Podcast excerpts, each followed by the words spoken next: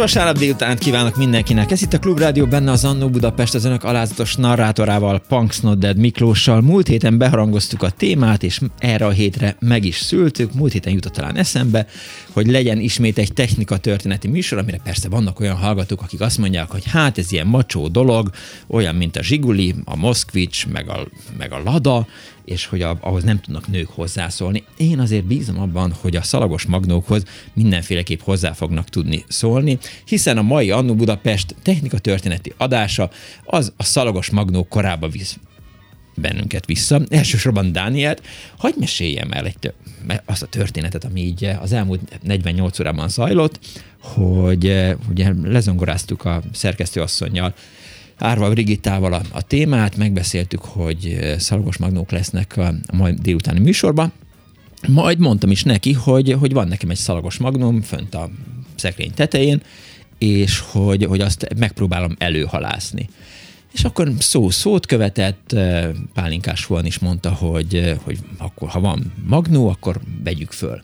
És akkor megkértem a legkisebb lányomat, hogy hát helyezze magát operatőr készültségbe, és levettem a magnót, majd bevittem a szobájába, egy Tesla lámpa mellé letettük a Tesla B101-es magnót. A gyerek úgy nézett rá, mint Indián az üveggolyóra. Én nem tudta, hogy miről van szó és aztán levettem a tetejét, tiszta por volt, bedugtuk a áramforrásba, és elindítottam, és felcsendültek azok a számok, amelyeket, hát mint kiderült, nem én, hanem nyilván az édesapám vett fel, mert, eh, mert rábeszélt Bétót László, valami Bétót László műsor volt. És Tudja, Krist... Korda volt. Nem, Kristály Krista, a Bye Bye Férfi című szongja volt az, ami felcsendült először, és utána pedig jött a uh, Bye Bye Férfi, de aztán volt még mindenféle zene, és a gyereknek nagyon tetszett, felvettük azt a filmet, és akkor ezt meg is tudják nézni a kedves hallgatók a Klubrádiónak a videó csatornáján, ott lehet látni, hogy Punksnodded Miklós élhetetlenkedik a B101-essel.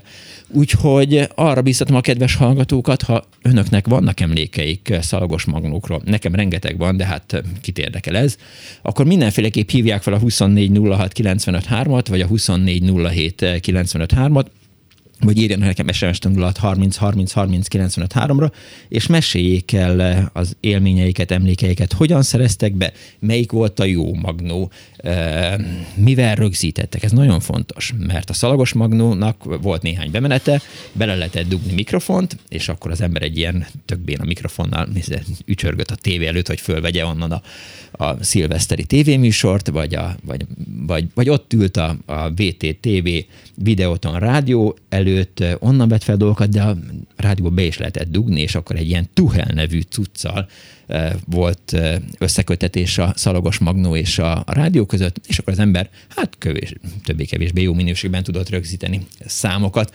Úgyhogy erről fog szólni az következendő két óra. Hívjanak bennünket, és meséljék el, hogy milyen volt az, amikor Mambó Magnon szólt a dal, és hárman elloptunk egy Skodát. Ezt nyilván Dániel tudja, hogy mi lesz ennek a vége. Na, honnan idéztem most? Fogalmam nincs. Dániel, akkor menjek a stúdióba. Meg ne haragudjál. Akkor menjek a stúdióba. Most már mondd el, légy szíves. Hárman elloptuk egy Skodát, a Hősök terénél kaptak el. A hány, hánytam az izgalom miatt, így változtattam iskolát. Cseh Tamás eh, és Bereményi Géza Pedig én örökbecsű. alapvet, alapvetően szeretem Cseh Tamást. Hát jó, jó, jó, Ezt- így ezt nem távolról olvasni szereted. Nem, ez nem, ez nem, ez nem, nem hallgatni. Ezt most már De Dániel. megmutatom neked a Megnézted már megáll az időt? Nem. Na ugye. Te engem nem szeretsz ma. Ugye? Hát nem szeretlek, de hát eh, dobom itt neked a labdákat, amit el kéne kapnod, mint amikor Dévényi Tibi bácsi dobja, De az a, és az nem a baj, kapod el. veled az elmúlt, nem tudom, két évünkben nem ígértettem meg semmit, amit meg fogsz nézni, vagy hallgatni.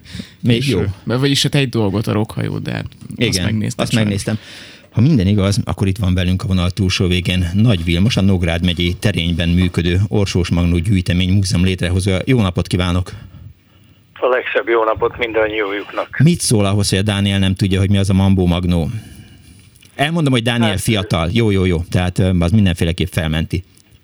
Nem lep meg a dolog, és semmiféle elmarasztalás nincs bennem ebbe a témába. Jaj, Ma már az Orsós Magnó az egy gyönyörű nosztalgia téma, egy nosztalgia darab.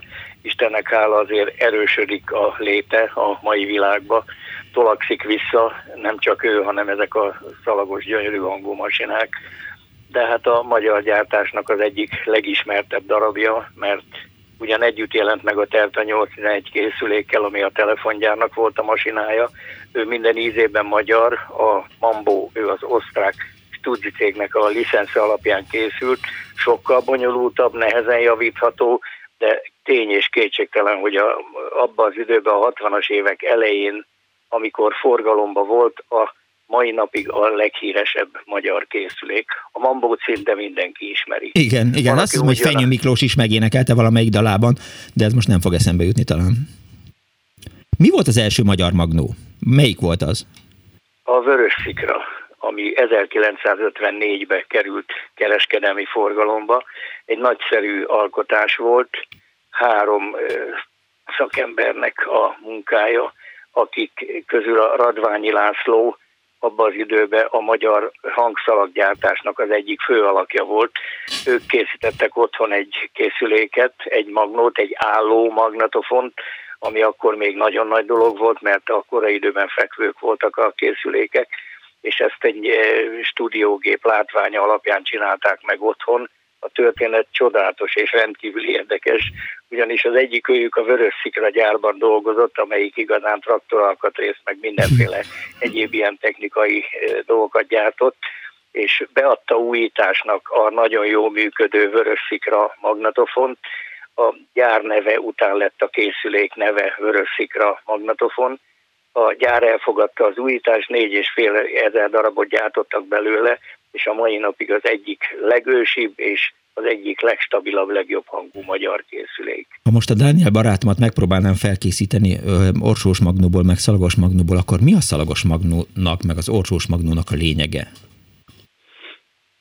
Hát először is van egy olyan mechanika, amelyik képes a magnetofon fogalmat kielégíteni. Az azt jelenti, hogy van egy hangtengely, van egy gumigörgő, amelyik egyenletes sebességgel húzza a magnószalagot. Mhm. Van egy tárcsa a jobb oldalon, ami felcsévéli ezt a egyenletesen húzott szalagot, és van egy tárcsa a bal oldalon, ami megfelelő laza feszesség tartásával engedi a szalagot, hogy a fej elé tudja a hangtengely görgő továbbítani.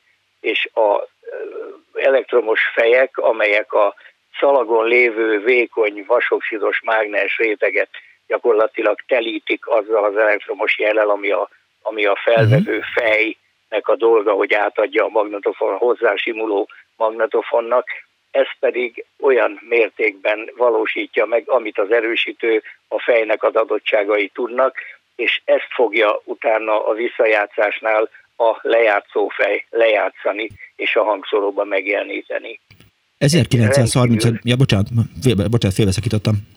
Nem, csak nyugodtan mondja, Hogy- igen, nem igazán érdekes már. Hogy 1935-ben ö, alkották meg, a- vagy került forgalomba, vagy mutatták be az első orsós szalagos magnót, ha jól olvastam.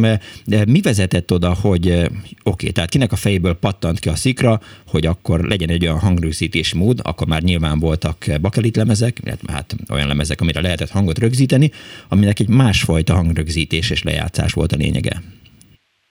Igen, egy picit, itt muszáj egy picit Edisonhoz visszalépni, Jó. mert igazán minden, ami a mai földi világban 1877-ben Edison jó voltából megszületett, minden neki köszönhető. Minden, ami utána Edison után született, kivétel nélkül minden az ő ötletének a továbbfejlesztése. Most Edison a fonográfot adta oda a világnak, ami egy teljesen mechanikus szerkezet, egy forgó puha eh, hengerrel működik, erre fizikailag vannak mélységben vésett hangrezgések rögzítve. Ez az, ami a töltséren keresztül nagyon fontos, minden elektromosság nélkül megszólal, uh-huh. és ezzel indult el a mai földi életünkbe a hang rögzíthetősége.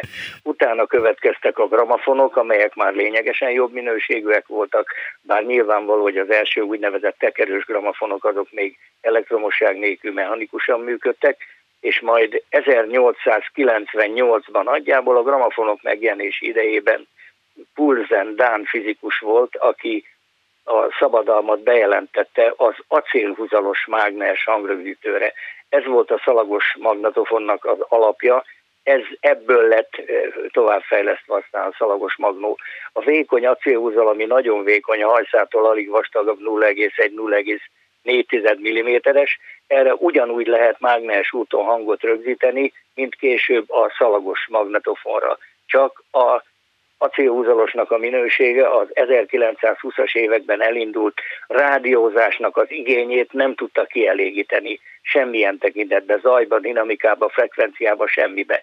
Azt már csak az 1934-ben a németországi AEG cég által megalkotott, és 35-ben a világ elé került szalagos magnetofon tudta biztosítani. Igazán a szalagos magnó ez lényeges, a rádióstúdiók számára született nekünk közembereknek az úgynevezett commerce masináknak, masinákat, vagy közhasználatú magnetofonokat, azt már igazán üzletpolitikai megfontolással gyártották. De hát azért csak meglőzte a kazettás magnókat, meg a kazettákat, és sok hosszú időn keresztül szerintem mindenki orsós, illetve szalgas magnóra rögzített otthon zenéket. Én úgy gondolom, hogy a kazettás az már csak egy ilyen, egy ilyen továbbfejlesztett változat, amire feltétlen szükség volt, mert egy orsós, általában az orsós magnetofonok nagyobb terjedelműek. Igen.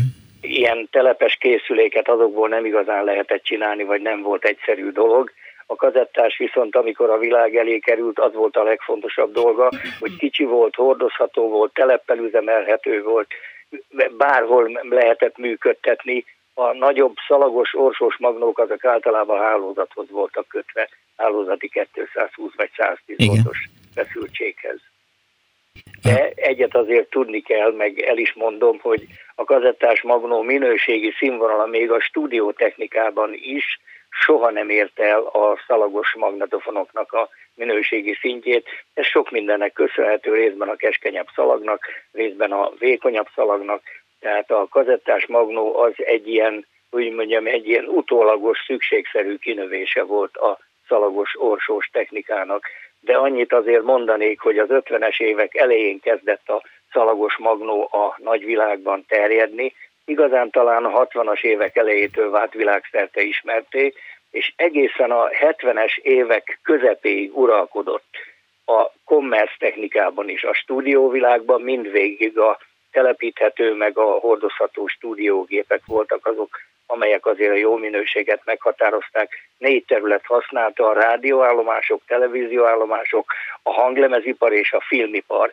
Ennek a négy területnek alapvető munkaeszköze lett a orsós magnetofon, és hiába volt iszonyú drága az orsós magnó egy stúdiógép, amelyik általában az egy jó minőségű személyautó árának az azonos árába került, vagy drágább volt akkor, de hát ezek a területek meg tudták fizetni és tudták működtetni. Ahogy most így említi a film, ahogy említette a filmipart, eszembe jutott, hogy, hogy nagyon sok, hát 80-as években, meg a 90-es években még nagrára rögzítettek hangot a, a filmgyári e, mikrofonosok. Igen, hát a, a Stefan Kudelski, egy lengyel származású úriember, aki a nagrákat megalkotta, az a világ egyik csodája, egyik legnagyobb legendája. A nagrák hihetetlen törékenyek, törékeny, apró, pici, a törékenységet jó kell érteni, ez nem, olyan, nem jelenti azt, hogy a törékenysége befolyásolta a hangminőséget, sőt, inkább csodálatos hangminőség. A Nagra 4 az mai napig a magnetofon világ egyik legnagyobb legendája. Hihetetlen szép felvételeket lehet készíteni vele. Szükség... Tehát a Nagrák azok ma is legendák. Ma is legendák. Szükségszerűen sodort el a digitális technika, a nem, analóg technikának lehet nevezni egyáltalán a, a szalagos magnókat? Igen, hát a szalagos magnó az analóg technikának az egyik csúcsa. Ezt, ezt hogy érzékeltesem, akkor muszáj elmondanom, hogy igazán az analóg világban a szalagos magnetofon volt az, amivel a legjobb minőségű hangfelvételeket lehetett készíteni. Sokan tévedésben vannak, és azt mondják, hogy az LP-k a legjobb hangminőségűek. Na most azért tudni kell, hogy egy LP, tehát egy hosszajátszó a mikrolemez, hanglemez, az egy stúdiógép által felvett úgynevezett mesterszalagról készül a préselés hosszú-hosszú folyamata során. Tehát ami igazán a jó minőséget vagy a csúcsot képviseli, az mindig az orsós szalagos stúdiógép által felvett, és hmm. kicsit, hogy mondjam, munkafolyamatokon átment mesterszalag az, ami a legjobbat tartalmazza. Az sem már a valóság, már az is egy kicsit azért rosszabb minőség, mint a valóság, de a préselt hanglemez pedig még gyengébb minőség, ez a préselési folyamat legyen bármilyen jó a technika, amivel előállítják, az már soha nem éri el a mesterszalagnak a szintjét. Vannak még... hozzáférhető hmm. hétköznapi életbe bocsásson meg, Semmi. a legjobb minőség az LP, ez kétségtelen, a mai napig így van, de a fölött ott van az orsós magnó. Emberek hallgatnak még magnó szalagról zenéket? Én azért örülök a múzeumnak, mert a múzeumban azt tapasztalom, hogy az érkező látogatók egyre jobban érdeklődnek, próbálnak hozzáférni, vásárolni orsós magnók szalagokon, felvételeket kérnek. Tehát én átélem azt az időt most, hogy a, egy kicsit úgy a jobb fülűek, mert azért azt világosan érzékelni kell, hogy azért az orsós magnó, tehát egy jó minőségű orsós magnó mondjuk egy stúdiógép által jó berendezéssel visszaadott hangzásra nem mindenkinek van érdeklődése, nem mindenkinek van füle. Van, aki, aki alig tesz különbséget a mai digitális MP3 által létrehozható zene, meg az orsós magnónak a csúcsminősége között. De azért nagyon sok ember hallja a különbséget, és dolgoztak vele, használták, és egy kicsit rájöttek arra, hogy az átlagos digitális technika a gyengébb viszonyok között nem képes produkálni a csúcshangzást, amit egy szalagos magnó tud, és kezdenek visszalépni felé. Nekem ez nagyon nagy öröm. Az önnél, az önnél a legnagyobb magángyűjtemény orsós szalagos magnókból, ezt lehet tudni ezen a Nógrád megyei kis településen terényben. Van olyan magnó, ami hiányzik, vagy, vagy nincs a gyűjteményében? Hát erre a válasz nagyon furcsa. Tehát először is annyiban szeretném módosítani, hogy ez az általam üzemeltetett Orsós Magnó Múzeum, ez a világ egyetlen Orsós Magnó Múzeuma. Tehát ez egyetlen olyan gyűjtemény, amelyik múzeum formában uh-huh. működik. Nógrád megyének a legnagyobb világlátványossága, ez egy pillanatig nem vitás, hiszen nem csak Nógrád megyé, Magyar, Magyarországon nincs még egy hasonló, de a nagyvilágban egyedülálló. Hát, hogy érzékeljettessem ezt, hogy azért mégis mi van e mögött. 480 darab masina van itt kiállítva, öt bemutató helyiségben. Ez a 480 darab készülék felöleli a teljes professzionális és a teljes közhasználtú magnógyártást ami általában, amit nem nagyon tudnak emberek, 22 ország gyártott orsós magnót, az én gyűjteményemben mind a 22 ország itt van, hmm. több mint 160 gyártó cégnek a termékeivel. Tehát ez valóban a legnagyobb gyűjtemény a világon mára már. 2002-ben nyílt meg a múzeum, 18 éve működik, de azért el kell mondjam, hogy ez nem az én érdemem igazán, hanem hihetetlen, csodálatos támogatók, külföldi és magyar támogatók jó voltából állt össze ez a gyűjtemény. Akkor még azért mindig ott van a kérdés, hogy van-e olyan ami, darab, ami hiányzik a múzeumból? Igen, köszönöm szépen. Van igen, természetesen, de hát azért mondanám, hogy nekem összesen nem a 480 darab masinám van, hanem közelítőleg olyan 700 darab. Na most ez nem, nem öleli fel, közel sem öleli fel a világ teljes gyártását, hm. hiszen az én érzékelésem szerint olyan olyan 4-5 ezer különböző típusú magnetofon született a nagyvilágba a magnetofon ideje alatt. De azt nyugodt lélekkel tudom mondani, hogy úgy a stúdió, mint a commerce kategóriában a nagyvilág legjellegzetesebb masinái mind itt vannak a múzeumban, és ami itt különlegesség még, és úgy gondolom, hogy talán ez a legnagyobb különlegesség az én gyűjteményemnek, Igen. hogy a kiállított 480 darab készülék döntő többsége, több mint 70%-a szól, működik.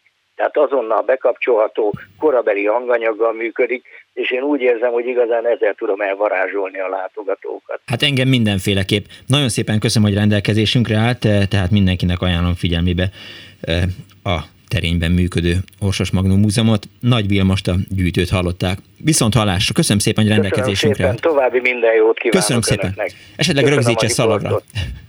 Okay. 24 06 95 3, 24 07 95 3, SMS-ben 06 30 30 30 95 3, érkezett is néhány hallgatói SMS, azt írja az egyik hallgató, üdvözlöm Miklós, éppen kérdezni akartam, hogy a szalagos eh, magnó akkor nem egyenlő a kazetás magnóval, kazetás magnóról volt szó a műsorban, arról már volt, és valóban nem egyenlő.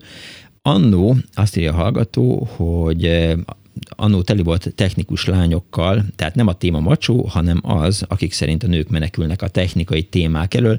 Én például nő vagyok, és eh, rendszeresen szerelek villanyt, a Magyar Rádió pedig annó teli volt kiváló technikus lányokkal, és erre még Dániel is bólogat. Halló, jó napot kívánok! Jó napot kívánok! Bocsánat. Hát nekem egy Mambo Magnum van, no. egyszerűen, és tulajdonképpen még működőképes, bár most nem szeretném bekapcsolni, mert kicsit nyávog. De ugyanakkor egy csomó kazettám is van, még még eredeti kazettáim. Értem. Akfa. Azért menjünk, az els, bocsánat? Azért menjünk egy kicsit vissza a, a Mambo Magnóhoz, hogy ez hogy jutott önhöz?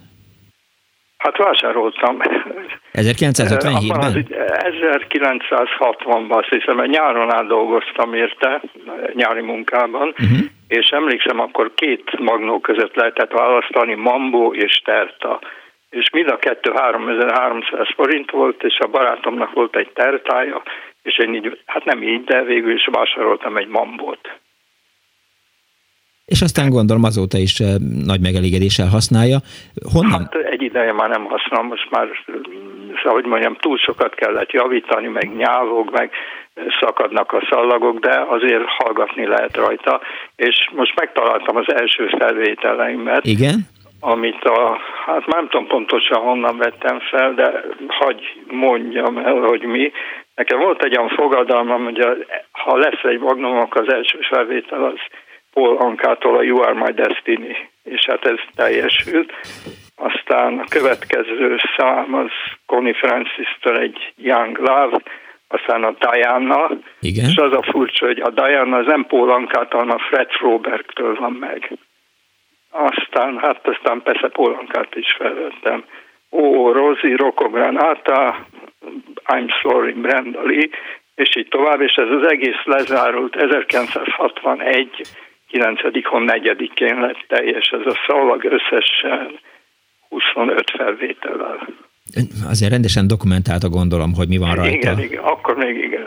Tehát a, ezt Daninak mondom, hogy a, a szalagos magnó dobozán volt lehetőség arra, hogy az emberre egy, egy ilyen táblázatba beírja azt, hogy, hogy mit vett föl rá, és hát miután számláló volt rajta, nem tudom, a Mambo Magnum volt számláló? Volt számláló, és itt rajta is vannak, hogy meddig, meddig, uh-huh. meddig terjedtek ezek a számok. Általában 33, hát 9 és feles sebesség volt, 33 egység volt. E, igen, igen, nagyjából. A vége felé ez kis hát változott, mert ugye egyre kövérebb lett a, az a része a szalagnak, ahova feltekeredett az akármi. Igen, hogy arra emlékszik, hogy mivel vett fel dolgokat, és honnan? Rádióról. Rádióban. Pacsirta rádióról, uh-huh. tehát közvetlenül a Pacsirta rádióról, tehát ott egy megfelelő kábel hozzá, és úgy vettem fel. És hát a Pacsirta rádió is azt hiszem abban az időben egy nagyon-nagyon jó minőségű rádió volt, az 2800 forint volt. Megvannak még a használt utasítások, de most nem találom. Fantasztikus. sajnos nem tudom felolvasni őket. Értem. Hát szívesen meghallgattuk volna a Mambo Magnó nyávogását, de azért így is beje vagyunk. A B101-es, amikor elindítottam tegnap reggel, akkor hát olyan szépen szólt, hogy volt egy kis alapzaj, de az szerintem attól volt, hogy, hogy 30 éve nem lett elindítva a Magnó, és emiatt aztán az, a, ami összeköt mindenféle ilyen tárcsákat, hajtóműláncnak hívnák ezt nyilván autóban. Ez az egyik, aztán lehetett kapni egy olyan szalagot, amelyik egyszerűen kiszűrte ezeket a Hát ezeket a kis zajokat. Igen? Egy ilyen átmágnesező szalag, nem tudom pontosan mi volt a neve, de... Tisztító szalag volt, azt hiszem. Bocsás, ja, tisztító szalag, tisztító igen, szalag. Igen, igen, igen, igen. Értem. Köszönöm szépen, hogy hívott. Viszont hallásra. Viszont hallásra. 24 3, 24 3, Dániel egyre fancsalip képpel hallgatja az Annó Budapest mai adását, amely a szalagos magnókról, az orsós magnóról és a hangrögzítés csúcsáról szól. Halló, jó napot kívánok! Halló, jó napot kívánok! Én vagyok a vonalban? Ön. Halló? Ön? Igen, ön. Én jól Jó hallom. kívánok, én Alelve Kimre vagyok a 631 es telefonról, és én nekem lenne egy, egy felajánlásom, meg egy kérésem. Én 1962-ben kaptam nagyapámtól egy négysávos, és akkor már stereo Philips RK14-es magnót, mert már akkor is rosszul láttam, és a tanuláshoz nagy segítség volt, de hát a buliba is nagyon jó szolgálatot tett a buliba, és azt szeretném felajánlani egy gyűjtőnek, mert nagyon sok emlék fűződik hozzá, és kidobni meg nagyon sajnálom. Ez lenne a felajánlásom.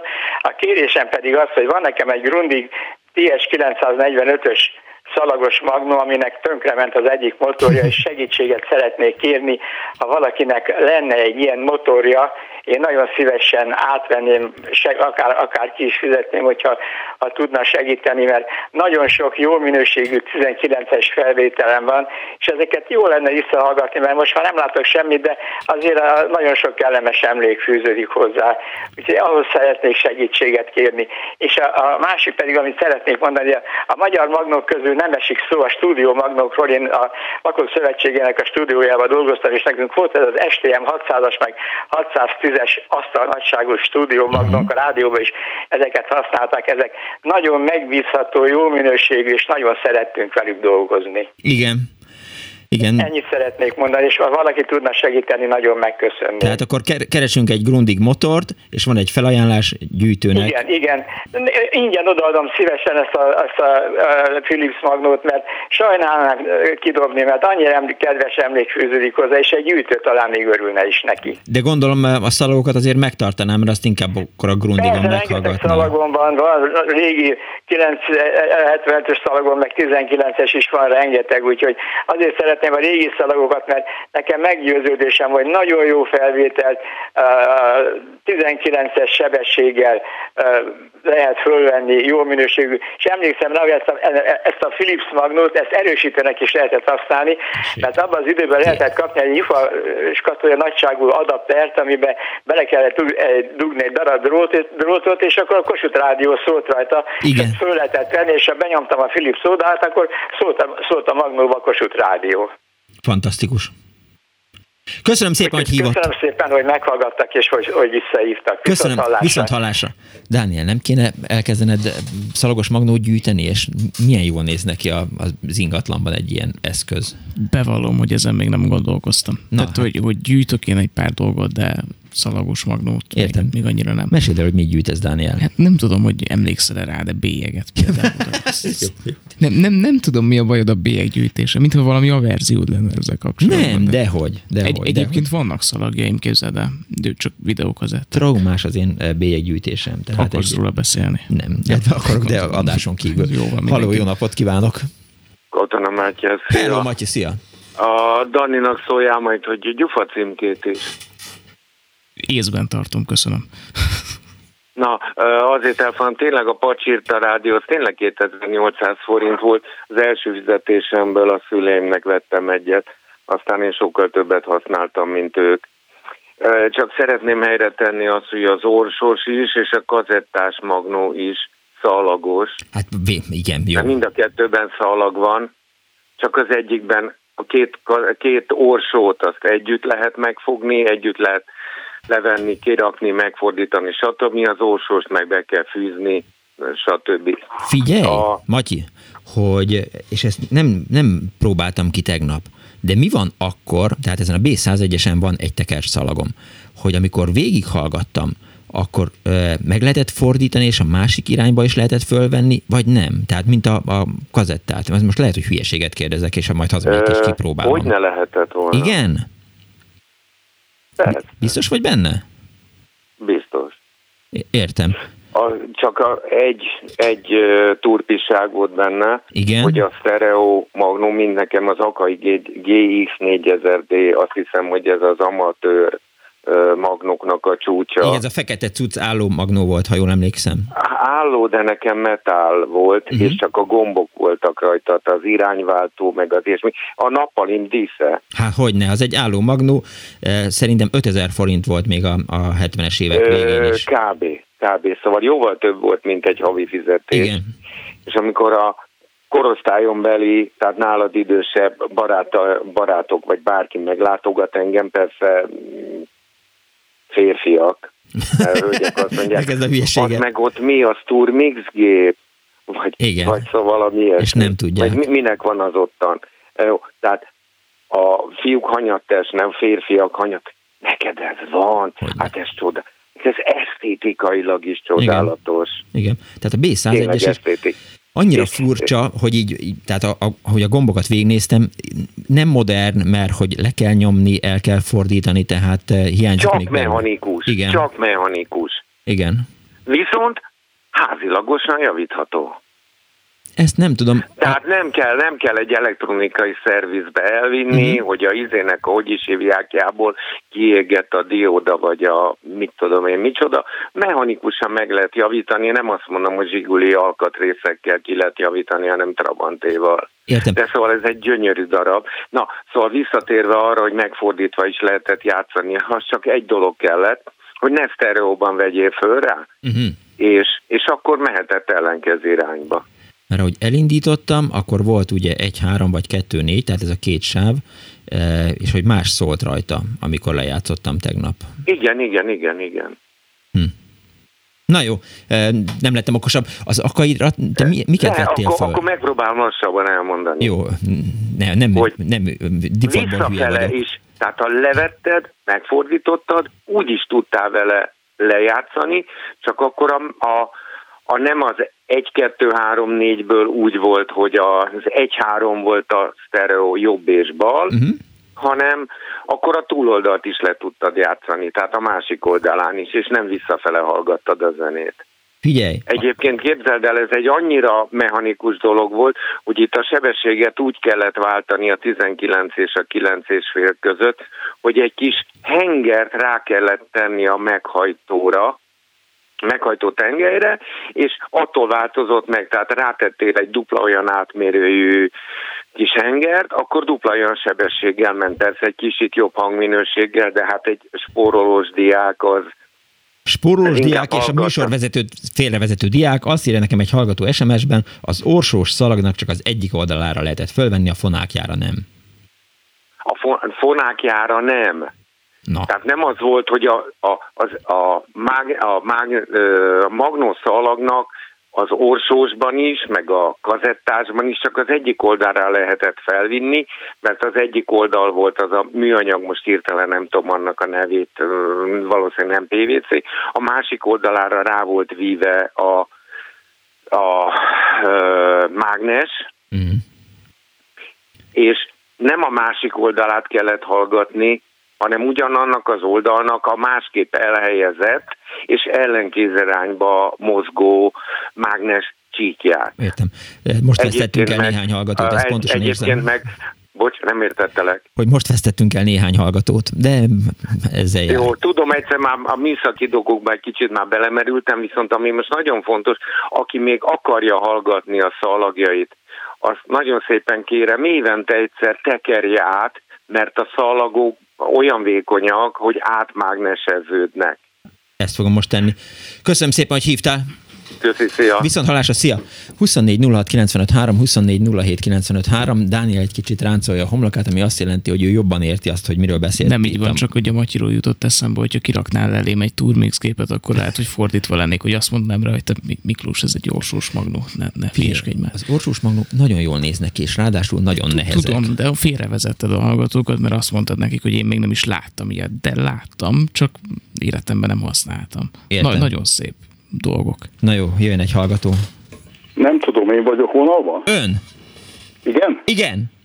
Ö, Jó napot kívánok, Molnár György. Hát én az egész életemet elmagnóztam, kezdve 1960-tól, de már 1955-ben eh, beszéltem, vagy énekeltem Orsos Magnól az apukám munkahelyén egy ilyen télapó vagy Mikulás ünnepségen. Már akkor megfogott a dolog, és Aha. akkor 1960-ban beiratkoztam a Bánkiba a középiskolába, két osztálytársnak volt magnója, egy Mambó meg egy Terta, az óriási dolog volt. Az akkor olyan volt, mint egy 600-as Mercedes.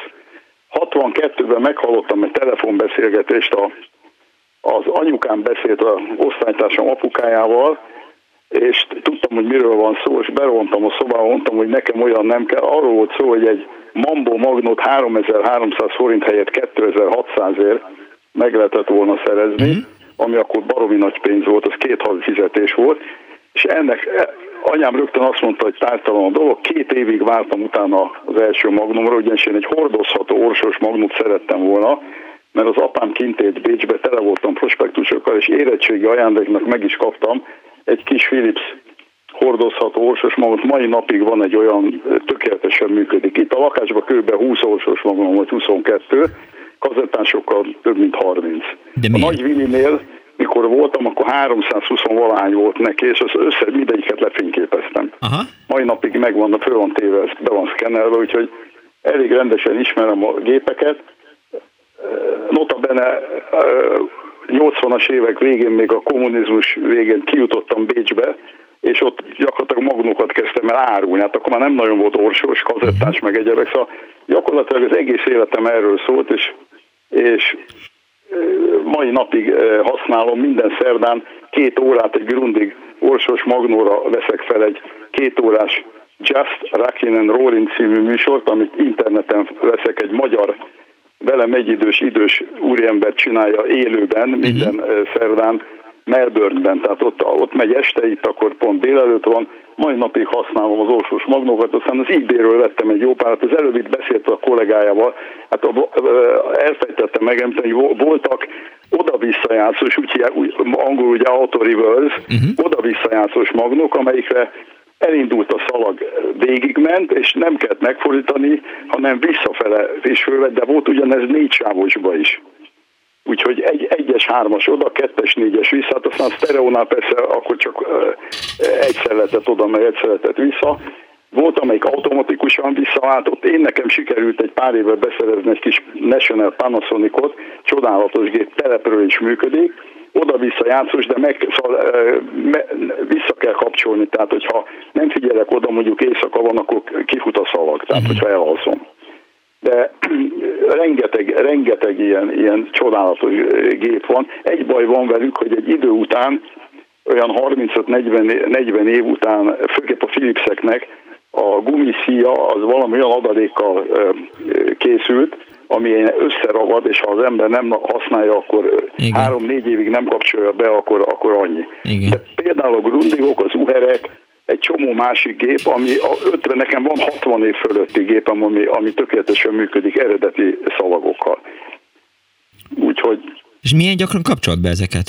Hát muszáj, muszáj bekapcsolni, mert tönkre megy. Most például a kazettásokból szerencsére itt, ahol én lakom itt a közelben van egy idős úriember, aki ezeket csinál. A kazettás magnókat, azokat gyakran be kell, mert azok, azok azok az, az, az, sokkal vékonyabbak a szíjai. De hát nem, nem tudok mindig, mindig. Hát mindig megpróbálom úgy, hogy hát például az Uherből, amit a Magyar Rádióban használtak nagyon soká, Igen? hordozható ilyen, ilyen riporter magnók, az Uher 4000 sorozatból, abból van 5, 3 4000-es, egy 4002-es, ugye az négy sávos, meg egy, négy, meg egy 4400-as, azok, azoknak mindegyik eredeti, egyet örököltem a rádióban rég elhunyt szegény Helga, ami egy szekrénybe állt 30 évig tökéletesen működik, az valamikor 65 és 71 között gyártották. Mert hát igyekszem mindig egy rövid időre bekapcsolni, de a kedvencem az, az egyetlen, a mai napig az a kis Philips, az eredeti nincs meg, mert hülye fejemmel 65-be eladtam, de az eBay-ről sikerült vennem pár évvel ezelőtt egyet, ami ugyan a mhm. gyors tekerés oda-vissza már nem megy, de lejátszás igen, nincs értelme már szétszedni, mert, mert hát ha egy lenne, akkor értelmesen. De például a, a otthon áruházban lehetett kapni, vagy az úttörő áruházban 69 karácsonyára National Panasonic háromsebességes 18 centi szavaggal működő álló elrendezésű magnót, az is működik, még az 5000 40 forint volt akkor, amikor én elkezdtem dolgozni, akkor kerestem 69-ben 1500 forintot, de azt is csak azért, mert négyesre érettségiztem, és 1003 volt egy kezdőfizetés.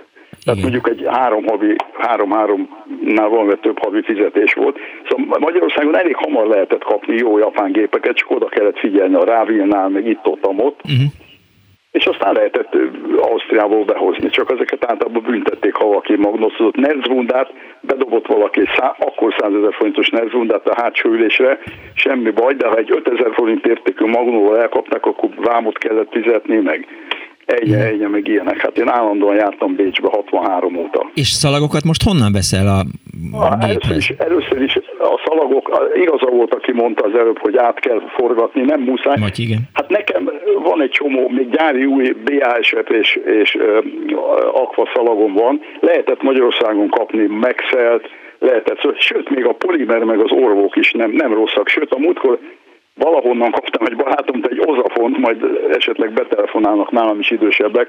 Az egyik első magnó szalag Magyarországon az ozafon volt, uh-huh. amelyik annyira megnyújt, nem szabadott, tehát a konyhában nem szabadott tárolni, mert tejagőztől megnyújt, de nekem van egy és működik. Valahonnan kaptam egy egyet, és hát le lehet törölni, hát annyi limnomot fölvett az ember akkor, Igen. amit most, eh, mondom, én most két éve, hetente, hát nem minden héten vagyok itt szerdán, de mondjuk egy évben 40-szer két órát fölvettem ezt a, az 50-es évek zenéjét csinálja ez a magyar származású Ausztrál eh, rádió műsorvezető, és köszönti külön az európai, a, a, a cseh, cseh-szlovák, mert ő szlovákiai magyar, uh-huh. És a, a magyar hallgatóit, akik vagyunk, tudtam a hárman. Aha, de most már biztos, hogy többen és, és, és, élőbe néha még magyarul is beleszól, hogy állati jó számokat játszik, és olyankor, amikor én nyugdíjas vagyok, ugye hát délelőtt 11-től 13 óráig szerdán bármikor meg tudom hallgatni, és veszem föl Úgyhogy ez az érdekes, hogy interneten, digitálisan végigjön a világon a jel, és én az e- első egyik ez, ez egy 55 éves, legalább 55 éves grundig. De jó. Lehet kapni, hát a eBay tele van ilyenekkel, Aha. tehát meg gondolom van Magyarországon is, de én jobban bízom a, a német ö, ö, online vásárlásban, mert soha még én összesen 80 valányszor vásároltam, soha nem csaptak be, mindig minden megjött időbe. És volt olyan, képzel, képzeld el, hogy 2 euróért valaki föltett egy hatalmas uher, itt van a kis szobába, uher magnót, tökéletesül működik 18 centis fémorsóval, és a szállítás volt 20 euró, tehát maga a gép volt 2 euró, és a postai díj nem postán, hanem ezekkel a DHL, vagy DH, vagy nem tudom, van egy csomó ilyen Hermes egyebek. De ki lehet fogni néha egy, egy, egy, egy ö, olcsót, tehát a szállítás az, az elég drága. Jó, meglepem majd a Danit. Most is érdemes elkezdeni gyűjteni, csodálatosan szép, amikor forognak. Igen. Köszönöm Egyébként, szépen, hogy hívtál. az a rosszul látó úriember, az, az nem rossz az az RK, de a, a, a Philips, ha, ha a CEO benne, de sajnos a Philips-eknél maximum 35 évig bírták a szíjak, és rettentő nehéz eltávolítani a, azt olyan lesz, mint a rágógumi, ráragad mindenre, fekete, szóval nagyon nehéz külön speciális tisztítószerhoz, és utána kicserél az ember a szíjat, és akkor tökéletesen működik. Köszönöm Mondom, szépen, hogy hívtál. Tessék? Köszönöm, hogy hívtál. Ja, jó, oké, további szép Köszönöm. műsor, jó műsort, és hallgatunk mindig. Oké. Okay. Okay. Viszont, hello. Viszont 24 06 95 3, 24 07 95 3. Dániel már meg is kereste ezt a magyar szalagot, gondolom be is vásárol belőle, és azzal fog engem meglepni. Karácsonyra én megveszem neki két euróért egy Uher gépet. Azt írja a hallgató SMS-ben, hogy a demagnetizáló és a tisztító szalag tudomásom szerint, mint Makó és Jeruzsálem, amatőr kazettás de tudom, hogy az előbbi nem mechanikusan tisztít, az utóbbi pedig igen, én kérek elnézést. Oké, okay, Jeti, köszönöm szépen. Aztán azt írja a hallgató, hogy eh, kár azon okoskodni, hogy a szalagos vagy az orsós név a helyes, épp nem okoskodtunk még, mert mind eh, a szalag, mind az orsó benne van a kazettában is, amíg mindenki érti, hogy miről van szó, addig mindegy, hogy minek hívjuk írja a hallgató. Aztán eh, a Burján utca páratlan oldalán a nagyapám Akai GX 4100-át hallgatom, írja a hallgató. Az orsós szarnak, igen, igen, szia Miki, egy NSK-s univerzum kétkazettás, akkor high-tech magnóval lettem félisten még gyerekkoromban. A Modern Talking kazetta másolása véget, az év emberének választottak az általános iskolába. Gratulálok hozzá. Egy másik hallgató, Éva azt írja, hogy orosz, most 55 évesen váltam meg tőle költözés miatt, tök jó számokat vettem fel mikrofonnal, a Rádió Noviszád, Skopál Béla futó tűz 18. születésnapjára kapta a hallgató a B58-as magnóját. Halló, napot kívánok! Hello, szia, Király István vagyok. Hello István! Ja, múlt héten beszéltünk Újpest ügybe, és megérintett megint, úgy éreztem. Várjál, szavadat ne felejtsd, szavadat ne ja. felejtsd. Miért hallgatta el minden újpesti előlem azt, hogy van Újpesten labdaverő és labdarúgó utca, és ez a két utca ráadásul egymást keresztezi, merőlegesek egymásra. Ma reggel arra futottam, és rácsodálkoztam, és azt mondtam, hogy ez igen. Tehát mutasson még egy olyan kerületet valaki. Hát ott, bocsánat, hogy közel, ez ott van a, a, a Szusza Ferenc stadiontól nem messzire. szemben, nem? Az edzőpálya résznél. Igen, igen, igen, igen, igen. Hát persze, hogy van a labdaverő tehát ez napnál is világosabb. Hát ha nem mondták, ez Hát ez az, ez az, nekem Igaz, kell utána menni. Mondjuk jó, jó neve van. Azt ja, tök jó. Labdaverő és labdarúgó, mondom, egymásra merőlegesek. Tök jó. Igen. Na, ugorjunk. Ugorjunk. Na, tehát, hogy akkor eh, Hát az egyik is nagyon fontos megjegyezni, tehát az előttem eh, betelefonáló mondta, hogy még nem késő elkezdeni gyűjteni az orsos magnókat. Igen? Hát már nagy késésben van, aki most akarja kezdeni. Iszonyatos árba vannak már. Tehát olyan árba, amit azt mondom neked, hogy nekem van egy akai 4000 DSM, uh-huh. ami egyébként nem egy jó magnó, csak szép. Az annak idején a centrum áruházakban lehetett kapni, úgyhogy az embernek volt valami kapcsolata, az uh, így szerintem 1980-as évek elején 14 mhm. ezer forint volt. 14 ezer forint. Nem tudtam annyit áldozni rá. Most áldoztam egy lepusztult uh, példányra, háromszor ennyit áldoztam most, múlt évben. Annyira fölmentek az árak, de akkor mondom, hogy egyébként, hogy ugye a magnok, nekünk a családban az első magnok egy terta volt, uh-huh. ez az 50-es évek végén. Egy ilyen zöld műbőrbe vart készülék volt, varázsszemmel. Nem tudom, hogy például Dani tudja mi az, hogy varázsszem? Hát, hogy egy készüléken varázsszem van. Az a régi rádiókon volt, nem? Igen. Ö, ilyen. Igen. A, igen. Az, ami igen, arra szolgált, hogy... Mint, hogy egy felvétel szintjelző igen. volt, nem? Meg igen. hogy a vételi jel tisztaságát lehetett vele talán ellenőrizni. Hát, hogy pont állomáson vagy, amikor igen, igen, a magnót, igen. akkor... Igen. Én szerintem a Terta Magnon is valami hasonló volt. Uh-huh. Akkor emlékszem a családban, a második Magnon, meg a 60-as évek elején egy eh, Philips Magno volt, ami olyan volt, mint egy, egy, egy, egy nagyobb tégla, és a tetején volt két hihetetlen kicsi, kicsi talán 5 cm-esek, de az meg ugye arról volt is, hogy négy sávos volt. Egysebességes, négy sávos. Hát az ugye, hogy, hogy volt rajta egy ilyen sávváltó gomb, uh-huh. az volt, lenyomtad, akkor megváltozott. Tehát ugye, ugye egy irányba forgott a szalag, de akkor játszott ez, és amit a másik sávra vett, vett érte el, akkor azt hallott. Igen zseniális volt. De aztán utána én emlékszek olyan magnóra, hogy Kalipszó. Hm. Ezt tudom, hogy nagyon sok osztálytársamnak volt, és én azt nem tudom, hogy ez egy időben volt a, a volt egy Grundig, egy lengyel, egy lengyel készülék. Grundig licenc volt, és aztán ZK, ZK, azt hiszem ZK volt a jelenek. Hihetetlen rossz magnó volt, de azt hiszem, hogy ezt lehetett kapni akkor és akkor ugye kinek nem volt mondjuk B100-as magnója, szerintem mindenkinek volt, aki, aki egy kicsit is jobb minőségben, hogy zenét akart venni, eh, akart hallgatni, és fel akart venni a rádióból. Nem tudom, te emlékszel arra, hogy volt a Magyar Rádióban egy műsor, szerintem pont ilyen tájt lehetett, mint tényleg vasárnap. Nem szombat délben volt. fel lehetett venni. Szombat És délben volt. A, a, a címe, hogy e, Magnusok. Magnusok figyelem. De most Ez az. Én nem azt hittem, hogy a Göcé Zsuzsának a, a harmadik műsoron tartott műsorára gondolsz, mert a szombat délben volt, amikor teljes számok, teljes lemezeket játszott le. Lemezbörzés lemez, műsorra a lemezbörze, eh, lemezbör, igen, tehát lemezbörze volt. Az biztos, hogy, helyett. Az biztos, de hogy...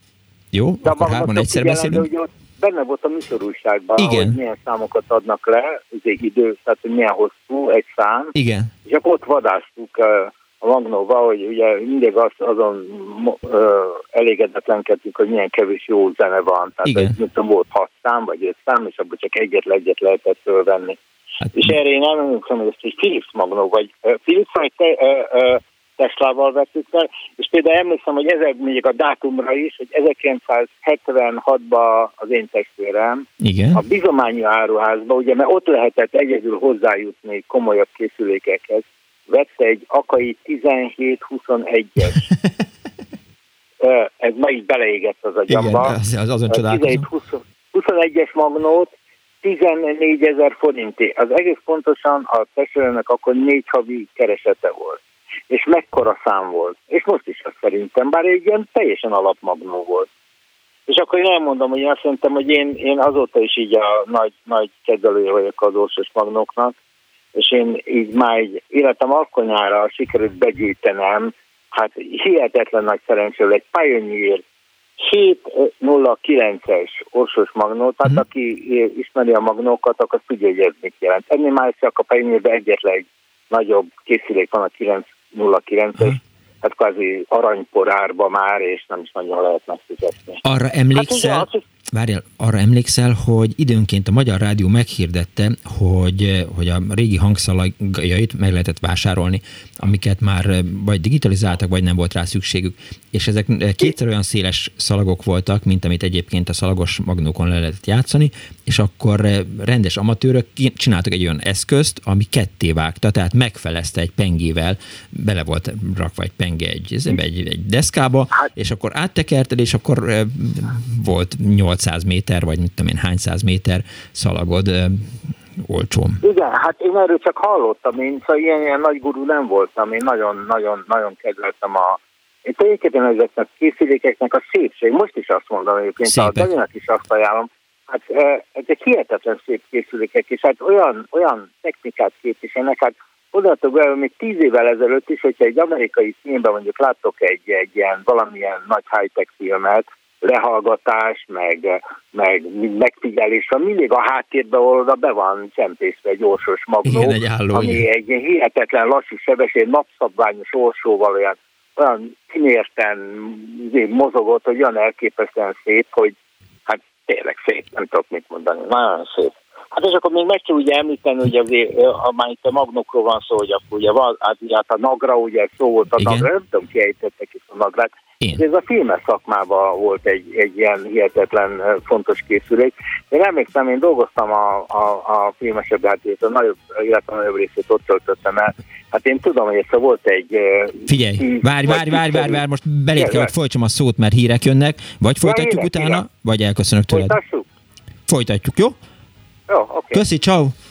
A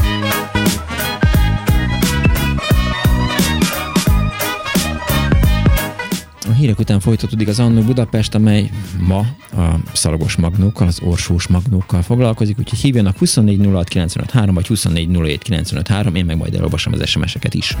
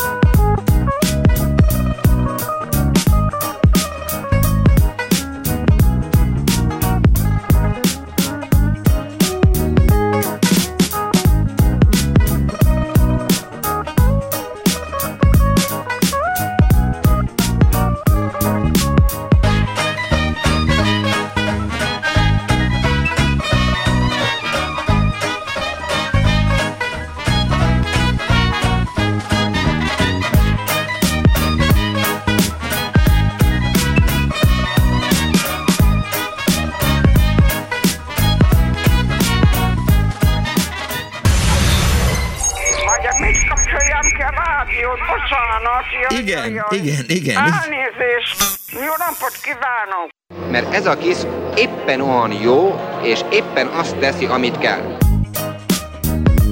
Annó Budapest, az ismeretlen főváros és Punksnodded Miklós.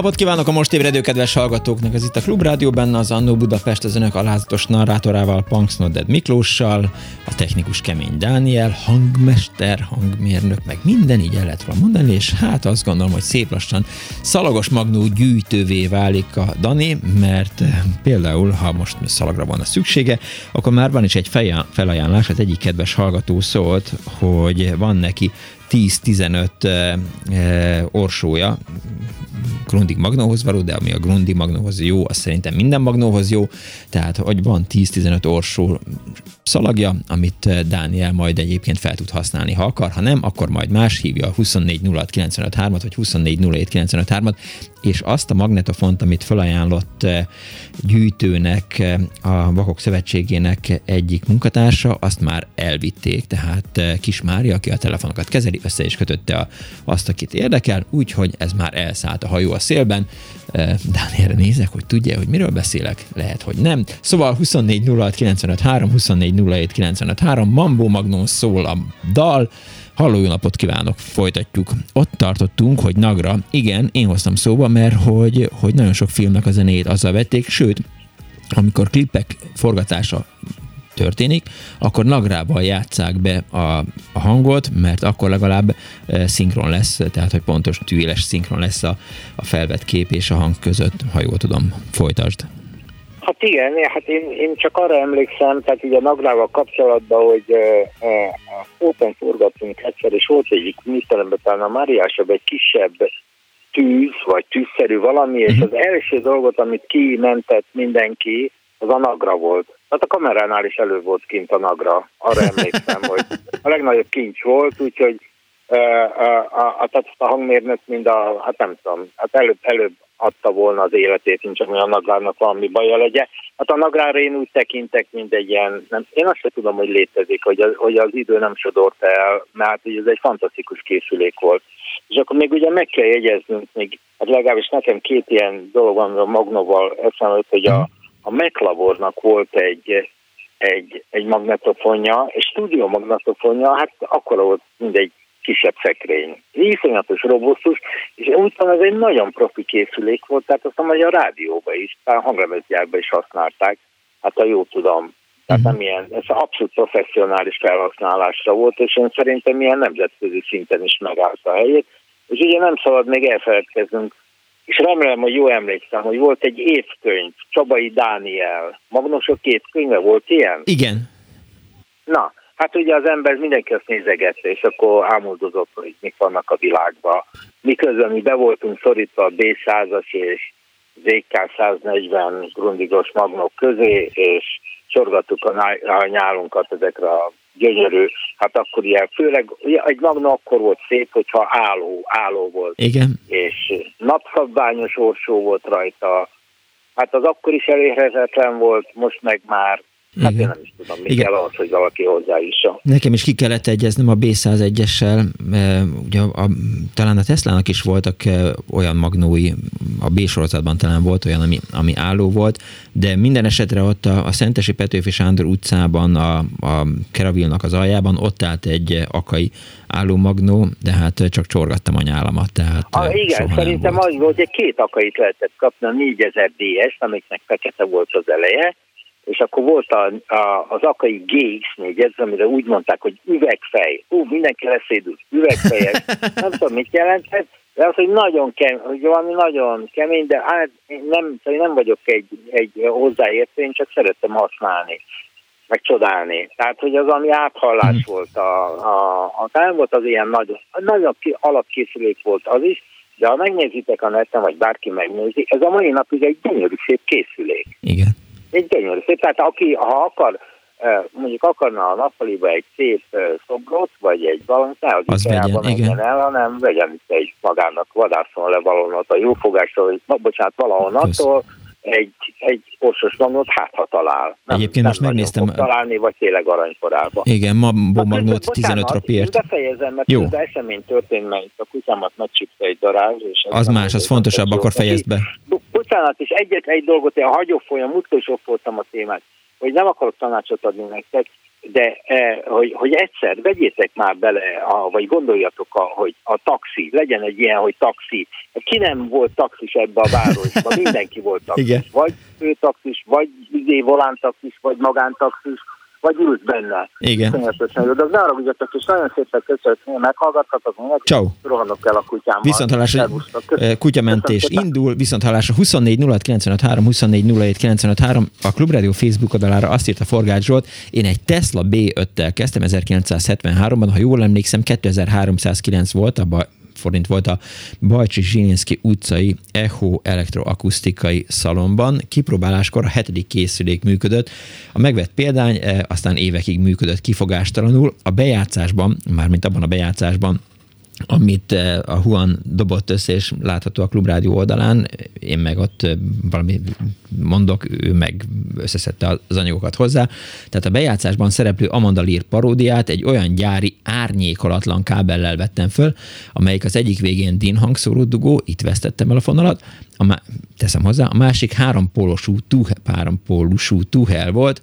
A 80-as években a Corvin áruházban vettem egy Akai GX 40 milliót, 4000 vagy 40 ezeret, ami szerintem most is elindulna. Kedvenc magnós szalagjaim az akfák voltak, jelforrás, VT Aida rádió, eh, ORF, ja mármint, hogy honnan lehetett felvenni, ORF ő3 négyelmes erősítős eh, jagi antennával írta tehát eh, Forgács Zsolt Esztergomból, és Csekő Sándor pedig azt írja, hogy Akai 4000 DS MK a mai napig működik, eh, Shamrock eh, Scotch Basic, Ozafon és meg elem, elmaradhatatlan polimer szalagok.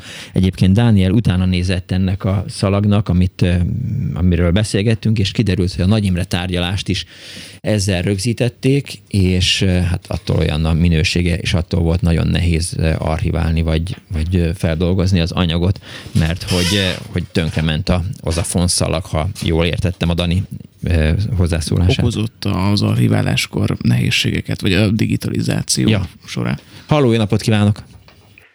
Halló? Jó napot kívánok!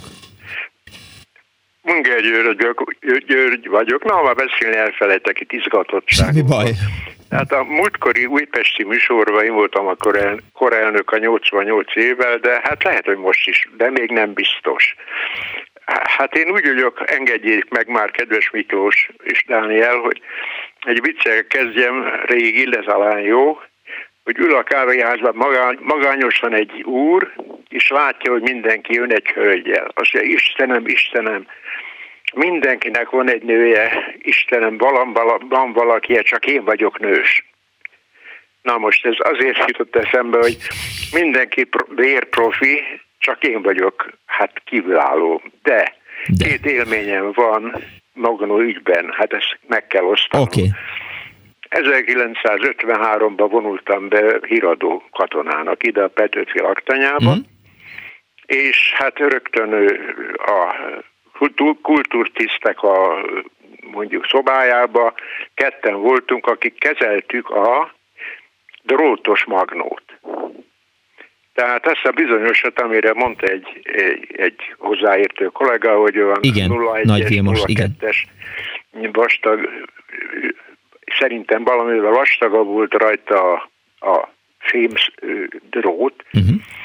és azt lehetett úgy alkalmazni, hogy mikor végigment, akkor visszafelé is lejátszotta. Uh-huh. Nagyon régen volt, egy ilyen régi-régi német gyártmányú magnó volt. Értem. Na már most ezen a magnón volt ott egy kiváló hát hegedűs gyerek, aki később aztán a százszagú cigányzenekarban is primás lett, Mhm. kiválóan hegedült, és ezzel azt játszottuk, persze hangozott az egész oktanya tőle, hogy lejátszott egy jó kis számot a hegedűn, uh-huh. és utána visszafele lejátszottuk ugyanezt, úgyis szép volt. Nem tudom, hogy ez különösebben más megtette-e, biztos megtették. Nyilván. A, másik dolog az, hogy a Terta Magnóval kapcsolatban, meg hát én iparművész vagyok, kerámikus, és volt olyan, hogy velem dolgozott egy úr, akit úgy hívtak, hogy Angyal János. Nem tudom, ki elég öreg hozzá, hogy, hogy ismerjék, parodista volt, és ilyesmi. Igen. Igen, Miklós hallott róla? Persze, hogyne, hogyne, persze. Na hát nekem jó barátom volt, ott együtt dolgoztunk, uh-huh. és ö, neki volt egy ilyen magnója, akkor volt ő egy fiatal ember, érettségi után 5 perccel, és ott helyben olyan felvételeket csinált, amit azóta se hallottam tőle, sem a rádióban, sem sehol, uh-huh. mert ott családi körben fantasztikus, olyasmi, hogy kínai küldöttséget fogad a miniszterelnök a repülőtéren, és akkor mindig visszaállította, volt rajta számláló, Igen. és mindig hozzá játszotta, illetve hát a szájával, tehát trombitált, meg dobolt, meg mindent csinált, és akkor megint, és akkor a kettő együtt szólt. Hát ez fantasztikus volt, ezt nagyon élveztük, és többször megismételte. Hát ennyi az egész, amit mondani szerettem volna. Sajnos Magnó ügybe Hát az sajnos nem megy. Mikor foglak zongoráról beszélni? E, hát, Csak viccből kérdeztem. Jó, jó, jó, majd, majd, amikor nem jut eszünkbe semmi, akkor majd azt mondom, hogy zongora lesz a téma. Köszönöm szépen, hogy hívott. Én köszönöm. Viszont hallásra. Halló, jó napot kívánok. Szép napot kívánok, Lovászi Péter vagyok. Üdvözlöm, Péter. Én egy kicsit fiatalabb korosztály vagyok, nem volt soha orsós magnom, viszont jó pár emberrel dolgoztam, aki a fejlesztésen dolgozott, illetve Na. itt egy pár dolgot már említettek, hogy volt Magyarországon az STM stúdió magnó, amelyik egy világszenzációs volt, tehát arról nem is szeretnék beszélni, mm. viszont magnófejgyártás is világszínvonalú volt Magyarországon. Tényleg? Stúdió magnófejeket azokat gyártották Magyarországon. Hmm. De hol, hol dolgoztak ezek az emberek? Mi, minek a fejlesztésén? A Dunakeszi mechanikában voltak, amikor mi szerszámkészítők. Uh-huh. Meséljen. És, nagyon rosszul hallom. Meséljen. Hát ezek a magnófejek, ezek két, gyakorlatilag két-három ezret pontossággal tudtak Európában, tudtommal Svájcban, meg Magyarországon tudtak ilyen magnófejeket gyártani, és a 14 és 26 sávos magnófejek azok világszínvonalúak voltak. Nem tudtam, úgyhogy leesett állal hallgatom. Azon kívül a kis kazettás magnókba is megpróbálkoztak a Váci híradásban gyártani magnófejeket, de nekik nem sikerült. Uh-huh. Viszont kiszervezték egy kis céghez, akinél volt egy optikai köszörűs, és ő tudott olyan szerszámot csinálni, ahol a sorja magasság szintén ilyen 3-4 ezreden belül volt. Tehát amit a fékony lemezből kis tancoltak, Aha. azt be lehetett építeni utómunka nélkül a kis sztereó magnófejekbe. Értem. Fantasztikus. És kik voltak ezek az emberek? Hát én nekem a főnökön volt a Virág József, uh-huh. ő szerszámüzemvezetője volt már máshol, tehát műanyagos cégnél, és a stúdió Magnó feje, fejéhez a szerszámot azt ő gyártotta, és ő gyártott rajta. Tehát mondta is, hogy nem adta át szívesen másnak a gyártást, mert annak meg volt a csínya és bínja, hogy hogy hogyan lehetett. Hát aztán a Dunakeszé mechanikán véget ért, és így már nincs stúdió magnógyártás. De nagyon fontos dolog volt. Köszönöm szépen, hogy elmesélte. Én köszönöm. Viszont hallásra. Szép napot. 24 06 SMS-ben 06 30 30 30 Most az SMS falal is úgy vagyok, mint eh, az üvegfejes magnókkal, hogy éppen nem jön be, de átadom Dánielnek, aki jobban ért hozzám. Addig én beszélek a hallgatóval. Halló, jó napot kívánok! Halló, szervusz Miklós, Molnár László vagyok. Hello, Laci. Következő, hogy nekem van egy B40, Tesla B42-es magnóm, uh-huh hát már sajnos elég régóta használtam, úgyhogy rá, most itt az előbb említette az egyik hallgató, hogy, hogy rá kellene menni a próbálkozásra, mert itt ott megöregszik a gumi, ami kétségtelen, tehát a hajtó gumik. Aha. De e- elvileg még működik, mert legutóbb, amikor használtam majd tíz éve, akkor még működött, úgyhogy megvannak hozzá orvoszalagokat vettem, akkor volt BASF, tehát ami épp aktuális volt, meg ami belefért a pénztárcámba, uh-huh. és még volt egy magyar magnószalaggyártás is, és nem jut eszembe a neve. Polimer. Polimer, azaz. Egyébként egy nagyon jó, jó szalagok voltak, ez a BASF-nek a, a tehát uh-huh. Mhm. BASF licenc alapján készült. És a dolog lényege az, hogy, hogy én 68-ban, 69-ben vettem a, a Magnót 3400 forintért részletre, akkor még épp ipari tanuló voltam, úgyhogy a, a, hát nem azt mondom, hogy az ösztöndíjamból vettem, ami 150 forint volt, uh-huh. hanem hát a, a anyám besegített a dologba, és nagyon meg voltam, meg vagyok elégedve, és ez egy monomagnó, ez a B42, uh-huh. Mhm. de annak ellenére ilyen olyan kacifántos, na, kacifántos kacifántosan lehetett uh, uh, sztereóvá alakítani, tehát sztereónak is lehetett használni, uh, hát a tueleken keresztül a becsatlakozásokon keresztül, hogy ide-oda kellett dugni, meg át kellett kötni, és lehetett használni, mert ez egy négysávos magnó. Igen, de akkoriban, akkoriban Igen? talán még nem nagyon volt, tehát a magyar rádiók azok majdnem biztos, hogy monóban sugároztak, nem? Uh, igen, igen. Tehát igazából mindegy volt, hogy...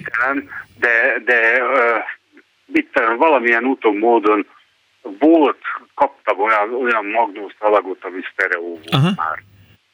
Tehát létezett, és tehát maga a lehetősége megvolt, mert a technikailag ki volt találva a sztereó. Nyilván a tévéből is csak monóba lehetett fölvenni. Így van, így van, így van. Hát úgyhogy ez, ez volt nekem a nagy élmény. Hát megvannak még a szalagok is. Hát sajnos valamilyen utomódon át kellene játszanom, gondolom, hát itt a tehát fölvenni CD-re, vagy, vagy valamilyen más technikai megoldás, mert nem szeretném elveszíteni a, a felvételeimet. Van nagyon sok pocsék ilyen, ilyen olyan recsegős felvételem, mm-hmm. mert uh, mikrofonnal vettem föl a rádióból, uh, vannak Hogyne. ilyen felvételek is, de hát aztán kaptam lemezeket. De szóval mindegy, lényeg az, hogy a szokásos módon gyűjtögettem a, a Értem. hanganyagot. Értem. Úgyhogy, és nagy emlékem, úgyhogy most ez egy jó kis tuning arra, hogy, hogy kipró, vagy Oda kell ülni, ki kell próbálni, persze. Oké, okay, köszönöm szépen, hogy hívtál. Jó, köszönöm. Viszont hallásra, szervusz. Dániel, elrontottad a besztelt? Egyrészt. Nem. Egyrészt, igen. Másrészt meg, hogy egy, megpróbáltam bevenni a stúdióba, Igen. és hát ha ott működik, ott sem működött, úgyhogy teljes reménytelenség. És Meghalt a Vestel SMS küldő szolgáltatása? De ugye egyrészt nem Vestel, ha, erről, erről hát de most éppen Vest. Az, az, Igen, másrészt. Beszélges a hallgatókkal. Jó, beszélgetek a hallgatókkal. Halló, jó napot kívánok! Üdvözöllek, Miklós, Vizi János vagyok. Hello, János, szia! Új fent jelentkezem, mert jobbnál jobb témák jönnek minden hétvégén. A szalagos magnó ügyben nekem az első élményem ott kezdődött, hogy a Kossuth Lajos utca kettő szám alatt volt a híres premier keravil üzlet. Azért hívták általában premier üzletnek, mint a mozikba a Vörös Csillag Puskin uh-huh. Uránia, a nagy filmeket először ott mutatták be, a nagy technikai újdonságokat a Kossuth Lajos utca kettő szám alatti Keravil volt mhm. hivatott uh-huh. bemutatni. És hát én itt tevékenykedtem, annak idején itt tettem szakvizsgát is, a műszaki kereskedői szakvizsgát, és hát akkor abban az időszakban nekem az álmaim metovárja az Erkel Magnó volt erről még nem esett szó, nem. senki részéről pedig sok gyűjtő is megszólalt. Ez egy tulajdonképpen csöves magnó volt, kétszer négy-négy nyomógombos tasztatúrája volt a különféle funkciók vezérlésére. Fantasztikus jó hangja volt, és hát volt egy 25-30 kg közötti súlya, ez még fekvő nem álló, uh-huh. fekvő magnó volt, és hát tulajdonképpen az erre kötött külső hangszórókkal hangosítottuk be ott az üzlethelyiséget, hogy a betérőknek mindjárt kellő jó kedvet Aha. hozzunk az üzletben. Sorbáltok ott az emberek? Volt sorálás, mert hát nem túl gyakran, de olyan három-négy havonta mindig volt valami olyan újdonság, amit ott mutattak be, és uh-huh. a legtöbb esetben az adott gyár szakemberei voltak a szóvivők, és hát ők demonstrálták a készüléknek a működését, használhatóságát. Tehát ilyen alkalmakkor zsufék volt kint az utcán, tulajdonképpen kordont kellett húzni, hogy uh-huh. valami rendet lehessen fenntartani. Tehát az érdeklődés az nagyon nagy volt. Hát ez egy azokban az időszakban a technikára kihezett embereknek ez egy nagy lehetőség volt, hogy itt testközelbe kerüljenek azokkal az újdonságokkal, amikkel hát vagy sikerült a későbbiekben, vagy nem áruházakba, szaküzletekbe találkozni. Ez Erkel egy tévedése volt a, a, a gyártónak, hogy, hogy végül is nem maradt fönt, meg, meg nem ezt emlegetjük, amikor szalagos magnókról hát, beszélünk. Állítólag ez egy deficites termék volt, uh-huh így se volt olcsó, meg közel 8000 forint körül magasságban volt a zára, akkor, amikor egy 800 forintos, 900 forintos átlagfizetés volt a jellemző, uh-huh. tehát egy 8-10 havi kereset kellett ahhoz, hogy valaki ezt meg tudja venni. Hát úgy hír lett, hogy ennek a egyedi készszériás gyártása az eléggé deficites volt, úgyhogy nem volt túl sokáig a piacon, de hát egy szenzációs akusztikájú készülék volt. Értem. Itt jelent meg aztán annak idején a Stucci Mambo kooperációból a Mambo Magnó, uh-huh. a Stucci osztrák gyártó cégnek valamilyen módon itt a hazai gyártóval sikerült egy kooperációt tető alá hozni, és aztán ebből lett a Mambo Magna, ami egy nagyon jó strapabíró kis készülék volt, és hát az akkori klubokban legtöbb esetben vagy a Terta, vagy a Mambo, ez volt a két leginkább nyúzott készülék. Még azt nem történt meg, az nem történt meg a mai Igen. műsorban, hogy valaki betelefonáljon, aki mondjuk DJ volt, és azt mondta, hogy ő szalagos magnóról szórakoztatta a közönségét, mert... Ez érdekes, hogy nem tette még. Igen, igen. Pedig... pedig biztos voltak nem kevesen, akik így DJ-skedtek. Hogyne, hát, például Rákász Béla, az majdnem biztos, hogy szentesen két darab B100-as magnóval, vagy B101-essel játszott. Igen. Egyébként a professzionális magnógyártásról is esett már itt egy-két telefonáló részéről. Uh-huh. Hát gyakorlatilag a MEC labor a Gorki fasorban működtek, és ott gyártották a speciális nagy ö, tudású stúdiómagnókat. Ezen kívül a BHG, a Beloyani technikai gyár volt a másik ilyen nagy KGST-ből rájuk szakosított gyártója a stúdió mhm. magnóknak.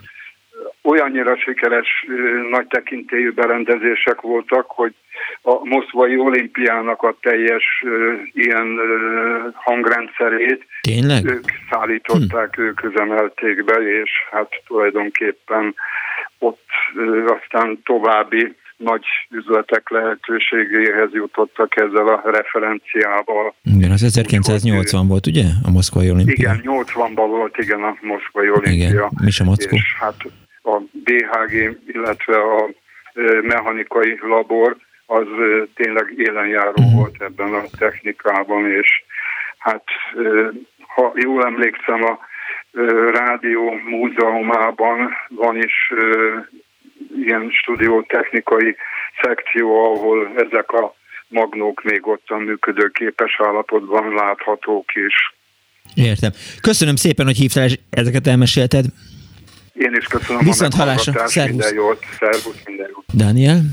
Nemes Nagy Péter írja. A 60-as évek végén a Magyar Rádió harmadik műsoron eleinte kísérleti adásként Igen. sztereóban adott nem ritkán komplett rock lemezeket, csak Igen. épp nem mondták be, hogy milyen lemez és milyen számok De, szólnak. de benne volt a, a rádió újságban, 14 órakor volt szombaton. És ezt én hogy például a, ítéljem meg? és én például a, a, az Iron Butterfly-nak az Inagada da Vida című albumát majdnem biztos, hogy, hogy onnan vettem föl, akkor még azt hittem, hogy, hogy ez a jó irány, aztán rájöttem, hogy a punk, punkot például sosem játszottak, de mindegy, nem érdekes, eh, ezt csak ho- hozzáteszem, és még ráadásul volt egy olyan produkció a harmadik műsorban, hogy mit tudom én, 13.50-től sztereó beállító hangot sugároztak, és akkor mondták, hogy jobb, jobb sáv, és akkor küldtek egy sípot, amint te beállítottad azt, hogy na jó, akkor a jobb sáv az most éppen a pirosban van. Úgynevezett mérőjelet. Ezt a szót kerestem, igen, igen. igen. Mindenféleképpen mindenféleképpen mérőjel. Ez is egy jó zenekarnév. Halló, jó napot kívánok! Jó napot kívánok! Én Róna György vagyok. Üdvözlöm! Hát az ötödik ág, ami még eddig nem lett meg említve, a magnetofonok használata céljából az a színház. Igen. Én elég sokáig voltam színházi hangtechnikus, uh-huh. elég sok élményem van színházi magnokkal kapcsolatban. Hadd említessék meg akkor a neve a Revox A77-nek és a Revox B77-nek. Igen, nem hangzott még el. Ezek ö, fantasztikusan jó, ö, hát ö, azt hiszem, hogy félprofessionális magnetofonok voltak, színházi bejátszásokhoz fantasztikusan alkalmas, kivéve azt az esetet, amikor a Revox B77 a statikus feszül- feszültségre úgy megbolondult, hogy amikor kedves kollégám a közelébe ért, akkor magától elindult. Az ugye nagyon nem tett jót a színházi előadásnak, de tulajdonképpen um, itt átkötném, az, a Revoxon ö, le lehetett játszani, ugye említettük, vagy tettünk említést arról, hogy a rádióból ö, ugye azok nem orson voltak ö, azok a szalagok, hanem csak magon, középmagon, uh-huh. és annak volt egy adaptere, amivel föl lehetett tenni a Revox magnóra a stúdiós szalagot.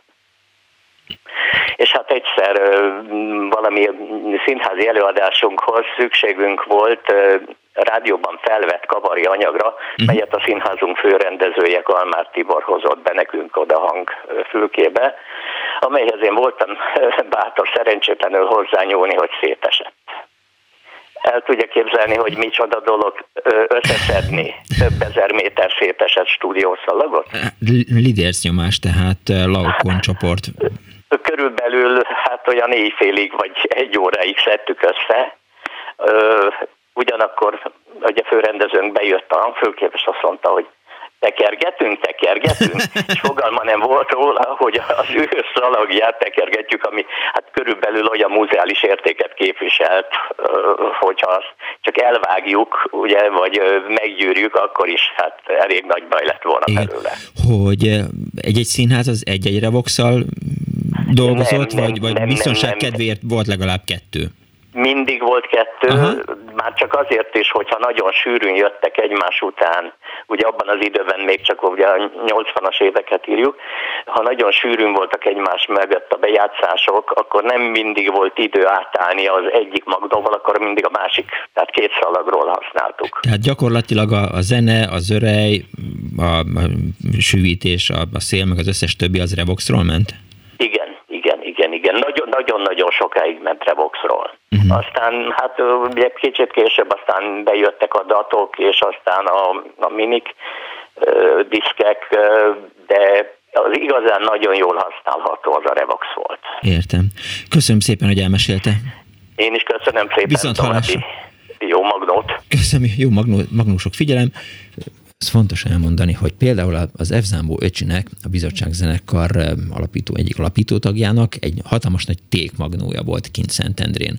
És neki megvolt gyakorlatilag az egész magyar punk meg underground fölvéve nagyon jó minőségben, hát nyilván amit ott, ott rögzítettek, vagy, vagy pomázon a, a Vahorn Andrisnál. A kezd, Kegyelem 2 zenekar kezdeti. A Kegyelem 2 zenekar akkor még éppen nem született meg, de hogy ott állt a Ték Magnó az öcsinek a, a, a műtermében, ami egy galériás műterem volt. És egyszer valamiért valaki, hát szerintem a Dixi volt fönt a, a galérián, eh, felrugott egy, eh, egy, eh, egy pácot, Xiladekornak hívták talán azt hiszem azt a pácot, ami így kiborult, és így lehetett szép lassan látni, hogy a, a, a a Xiladekor, vagy ez a pác, ez így szép lassan csöpög lefelé a galériáról, és pont a Ték Magnónak a fejére csöpögött, és akkor egy kicsit mindenki ideges volt, hogy na akkor mi lesz, de aztán azt hiszem, hogy sikerült rendbe hozni, de ez csak egy ilyen mellékszál volt. Halló, jó napot kívánok! Ha már magnós élményekről kell beszámolni, halló! Jó napot kívánok! Halló! Kész csók! Jó napot kívánok! Nekem is nagyon érdekes emlékek jutottak eszembe. A 60-as évek elején két bátyám tinikorú volt, uh-huh. és ez a Grundig, meg Calypso, meg BHG nagyon ismerősen csengett.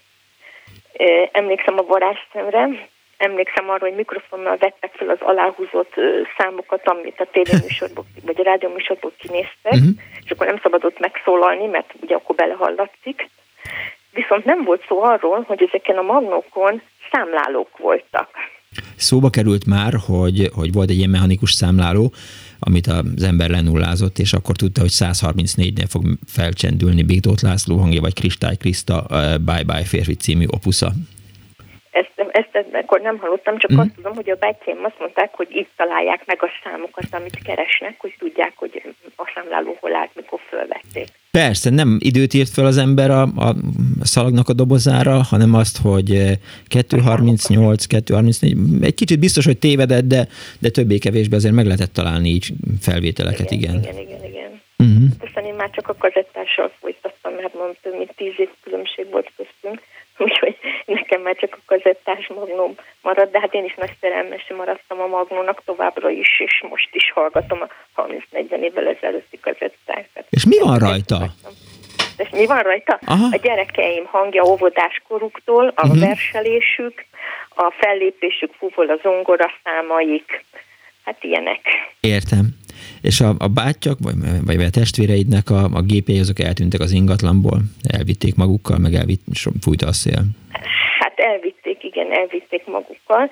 Az egyik az még megvan az én 42 éves fiamnál. Ez egy marha nagy magnó, uh-huh. az ágynemű tartóba tartja. Jaj, már, hát pedig azzal lehetne csajozni, lehetne, nem, hát jó hát lehetne már mondjuk. van gyerekem, meg ja, felesége, már nem, nem akkor, semmi, akkor, akkor, akkor, akkor semmiféle. Jó, de hát amikor jönnek vendégek, akkor nem nehéz felnyitni egy ágyat hát és megmutatni. most azért mindent egyenlőre dugni kell. Ja, igen. Úgyhogy vigyázni kell rá, de ő is nagyon férti. Értem. Köszönöm és szépen. is vannak hozzá, persze. Köszönöm szépen, hogy hívott. Viszont hallásra. Viszont hallásra.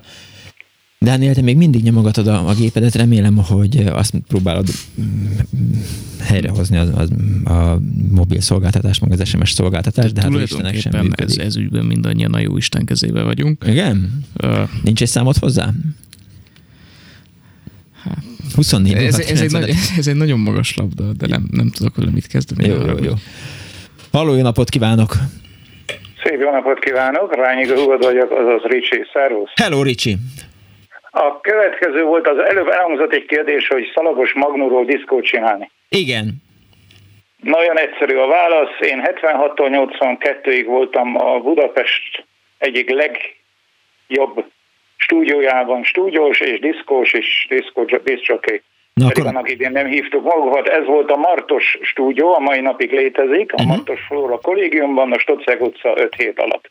Értem. Ez volt a vegyészményeki karnak a stúdiója. Uh-huh és péntekenként volt tanulmányi időszakban, hát volt az Arspresso, 8-tól 9-ig, 4-10-ig a Magyar Színházi Élet krémje fölépett, uh-huh. Akni címen, Esenyi Ferenc, Hauman Péter, Darvas Iván, stb. stb. Uh-huh. Mi biztosítottuk a, hangs- a hangosítást, és természetesen föl is vettük ezeket a műsorokat, mert azt a későbbi adásokban kulturális műsor címe föl lehetett használni, a vége volt a kulturális résznek, már mint ennek, akkor nagyon gyorsan szétkaptuk a technikát, a regent hangfalak már ott álltak, hm. és három vagy négy szalagos magnóról ment évfélig a diszkó. Értem.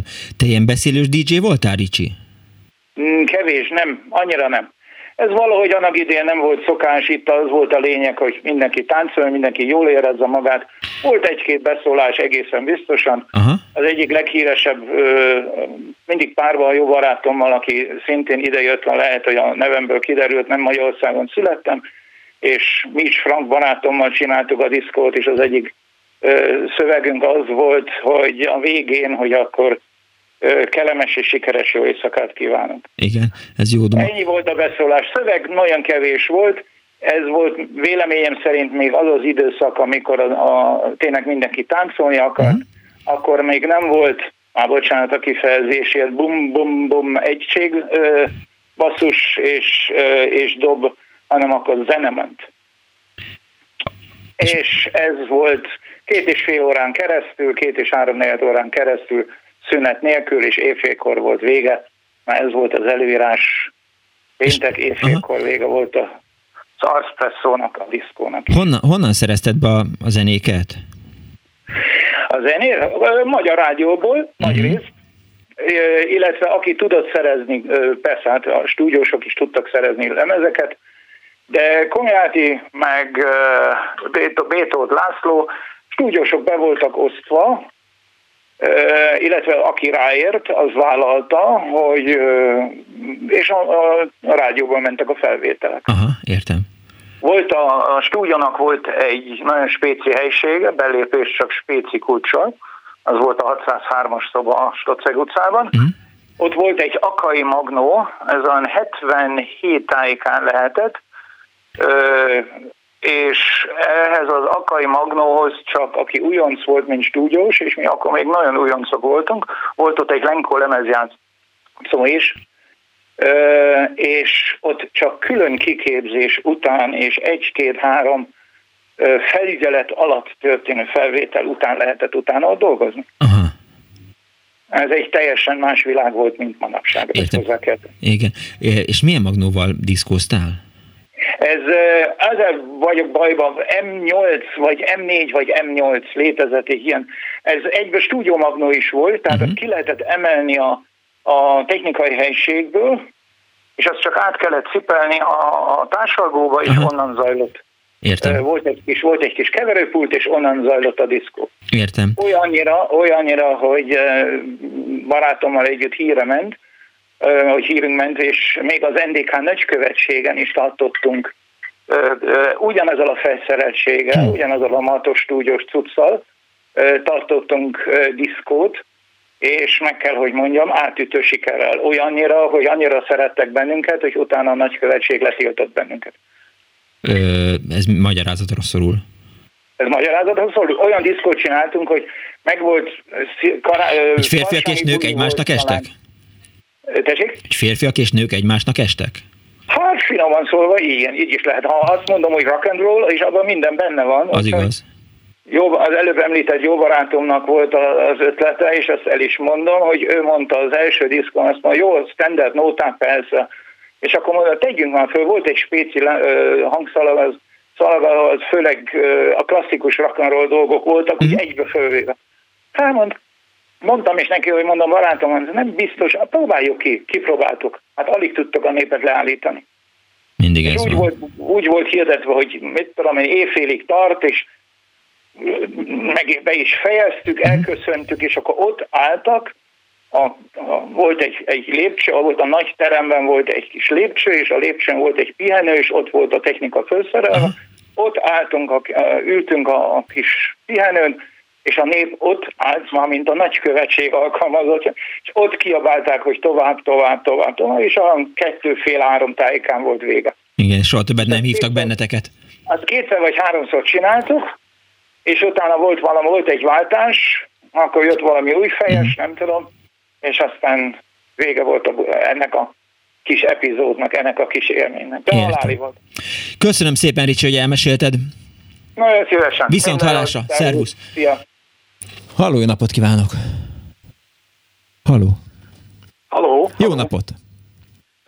Jó napot kívánok, Dombovári Tibor vagy Miskolcról beszélek. Hello Tibor. Nekem is van szallagos magnós emlékem. A 60-as évek végén 11 néhány éves koromban kaptam a viszonylag jobb módban érő nagynénémtől, a családjától egy tert a 811-es magnót, és hát én Miskolcon a Vazsgyárban laktam, és ott hát az, az több kilométer sugarokörben nekem volt egyedül magnum, és nagyon menő volt.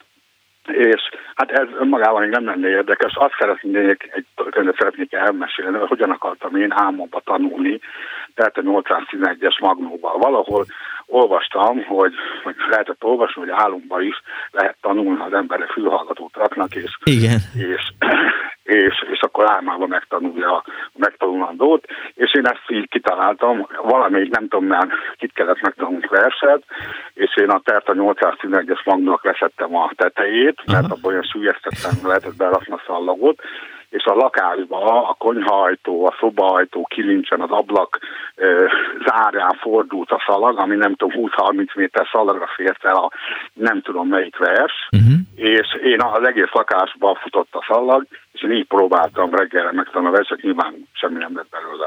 Csak úgy érdekes, hogy ilyesmit is lehetett csinálni a szallagos magnóval, amit például a kazettáson nem lehetett csinálni. Uh-huh. Még egy emlékem van szallagos magnóról, hogyha mondhatom még. Persze.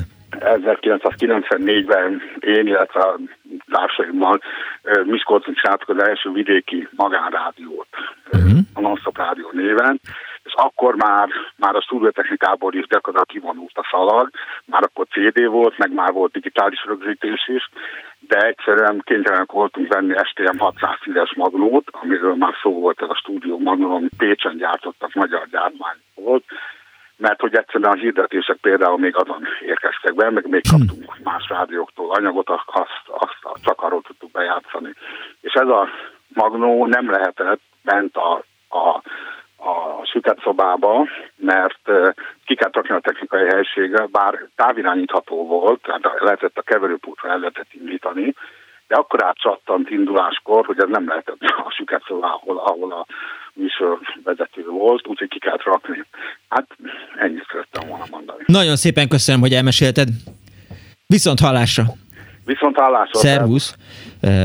némi helyreigazítás. A filmgyárban a nagrára nem a mikrofonos, hanem a hangmérnök rögzítette a hangot. Köszönöm szépen. Azt írja, Dani megcsinálta az SMS falat, köszönöm szépen. Sajnos nem hallottam az elejétől a műsort, lehet, hogy már volt szó róla. Évente egyszer a rádió nálunk árusította a leselejtezett 1987 és 89 közötti szalagjait, ha jól értem, és óriási forgalmat bonyolítottunk belőle. Igen, ezt mondtam én is, hogy, hogy amikor így lehetett hallani, meg talán újságban is lehetett ezt látni, akkor az emberek sorba és aztán házilag így, így megfelezték a magnószalagokat, vagy feldarabolták. Kevesen tudják, hogy a Tuchel az Tuchel csatlakozóban nem csak három és öt pólusú volt, eltérő tüske elrendezéssel, hanem kettőtől nyolcig mindegyik, sőt az öt pólusúból három különféle van, rakta helyre a hallgató a Tuhel ügyet, köszönöm szépen. Digitális polgárként olyan nehéz ráállni az analógra, mint Sasnak a tiszta búzára, de ne legyen igazam, Dániel, mint tudjuk, innen szép győzt írta neked a szakmunkás. Köszönjük szépen. Aztán az üvegfejről azt tartották, hogy napi 8 óra használat mellett 20 évig működik. Kérdés volt, műsoros szallag, vagy csak üres? Halló, napot kívánok! Jó napot kívánok, Pécsi Péter vagyok. Üdvözlöm! Üdvözlöm. És éppen akkor akartam hívni a klubrádiót, amikor valaki elkezdett a Martos stúdióról beszélni, azt hiszem kettővel ezelőtt. Igen, Ricsi. Ricsi. És én hozzá akarok tenni ehhez valamit. Oké. Okay. A Martos stúdiót valaha egy Kis István nevű Kispistának hívtuk, hangmérnöke volt a Magyar Rádiónak, és na, hát ilyen fontosabb együtteseknek a felvételeit uh-huh. készítette el, egy szenzációs ember volt, aki a szabad idejében a rádióból leselejtezett anyagokból hozta létre ezt a bizonyos Martos stúdiót. Értem. Sajnos meghalt már, méghozzá jó régen. És egy azt mondanám, hogy egy kicsit a jobb keze volt egy elveszett vegyészfiú, akit Palotás Pálnak hívtak, aki hát szintén elment nagyon korán, sok közös vonásunk volt, nagyjából ugyanazokat a zenéket szerettük, és amikor meghalt, akkor nálam volt kölcsön több lemeze, valami 30-40 darab, amiket hát vissza kellett szolgáltatni az özvegy édesanyának. Egy elég rémes dolog volt. Ez a stúdió tényleg nagyszerűen működött, én gondolom, hogy ebbe ült bele Ricsi aztán hangmérnökként jó pár évvel később. Amiről beszélek, az a 70-es éveknek szigorúan az eleje, úgy 73 nagyjából. És mivel foglalkozott a Martos stúdió? Hát a Martos stúdió az a Stocek utcában levő vegyészmérnök kari kollégium volt, a Stocek kollégium, és ja, ebben csinálták ezt az amatőr hangstúdiót. Uh-huh. Eredetileg úgy volt, hogy minden szobában volt egy ilyen úgynevezett néprádió, egy ilyen vezetékes rádió, és akkor reggel hát zenéket sugároztak. Ez amikor én egyetemista lettem, ez már, ez már nem, nem igazán így volt, hanem egy, egy, egy komoly hangstúdiót csináltak belőle. Értem. Köszönöm szépen, a... hogy kiegészítette ezt. Vagy szóljon. szóljon. Igen, van, volna még, én nekem volt egy a, a szüleimtől kapott, idézőjelben mondom, barátom, aki hát a szüleimmel egyidős volt, Varga Sándornak hívták, Sanyi Manónak becéztem, 13-14 éves koromtól rengeteget tanultam tőle, a Gödöli Agrártudomány Egyetemen volt docens, és amatőr hang, hangász mondjuk így. Uh-huh. Ő javasolta nekem, mint totál kezdőnek, hogy vegyek vagy betessek egy pontosabban egy B43-as magnót, egy uh-huh. Tesla B43-ast, édesapám hajlott rá, karácsony ajándéknak kaptam volna, bementünk Budapestre Gödöllőről, és sehol nem volt egyetlen darab sem. Viszont a keleti pályaudvar közelében volt egy nagy keravil, és ott volt még, ott árválkodott egyetlen darab B4-es, uh-huh. ami egy négysávos magnetofon volt, ezzel kezdtem a szalagos pályafutásomat, és aztán próbáltam szerezni valami jobbat, és ez katonaságom idejére esett, 73-ban egy Philips N4414-eshez jutottam hozzá, valaki behozta nekem Németországból, Nyugat-Németországból, és ez egy szenzációs magnetofon volt, mert a vagy a Tesla B4-es az akár sztereó is lehetett volna, de hát egyetlen erősítő volt benne, és így szalagoldalanként két monofsávot lehetett rajta használni, megduplázta az embernek a szalagját, ami egy középiskolás diáknak hát jó volt. Hogyne, hát ezer forint volt egy szalag. Hát pontosan. És akkor már így kezdünk érzékenyebb területekre jutni. Ugye elhangzott az Ozafonnak a neve, ami volt a kezemben, de hál' Istennek sohasem használtam, mert az ozafonról úgy, úgy foltokban hullott le a rárakott, rá felvitt gamma vasoxid, tehát borzasztóan nézett ki, de még úgy is azért lelejött róla a hang. Sokkal jobbak, ezek, ezek celluloid szalag volt, tulajdonképpen úgy mondanám, hogy celofán. Ennek megfelelően a mechanikai stabilitása is gyenge volt, a páratartalomra érzékeny volt, stb. És aztán bejöttek a, a polisztirol szalagok, amikből a, volt nagyon jó akfa, és és az orvónak volt az LP sorozata, ami amit ha az ember jól helyezkedett, uh-huh. időben ment, akkor a Keravilban lehetett LP18-ast kapni különböző hosszúságokban, különböző orsómérettel, ezek nagyon jó és olcsó szalagok voltak. Az orvó az keletnémet volt? Keletnémet. Igen. Az orvó az az originál Wolfen, az volt a, annak a rövidítése, uh-huh. az eredeti akfát nem engedélyezték, az akfa gevertet, hogy a keletiek tovább használják, ebből lett az orvó. Érben. orvó. És a BASF? Ugyan, a BASF az pedig a Bádise Anilinum Szóda Fabriknak a márkája, az, az, az valaha IG Farbennek hívták, uh-huh. ők Ludwigshafenben vannak, ez a nyugat-német.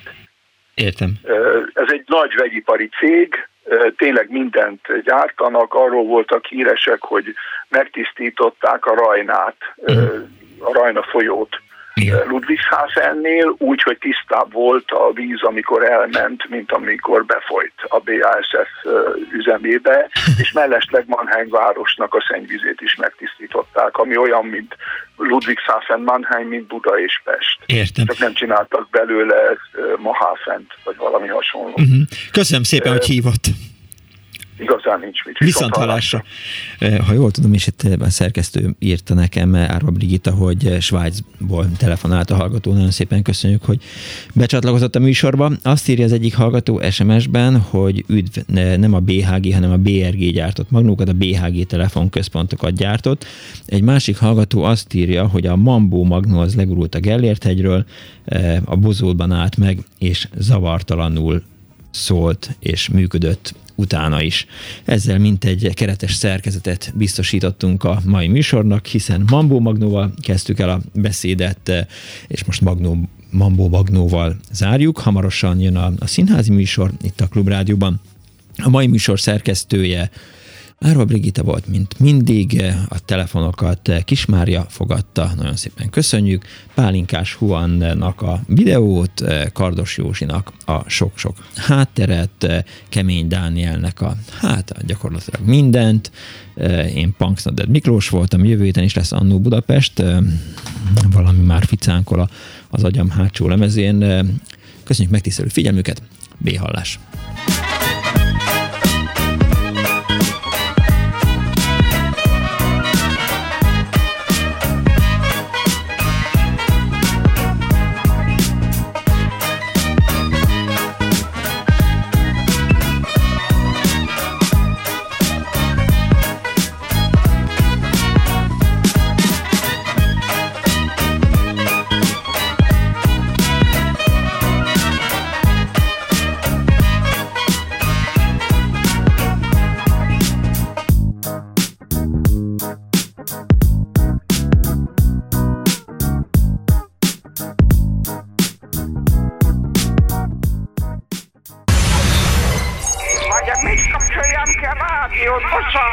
Igen, igen, igen. Elnézést. Jó napot kívánok.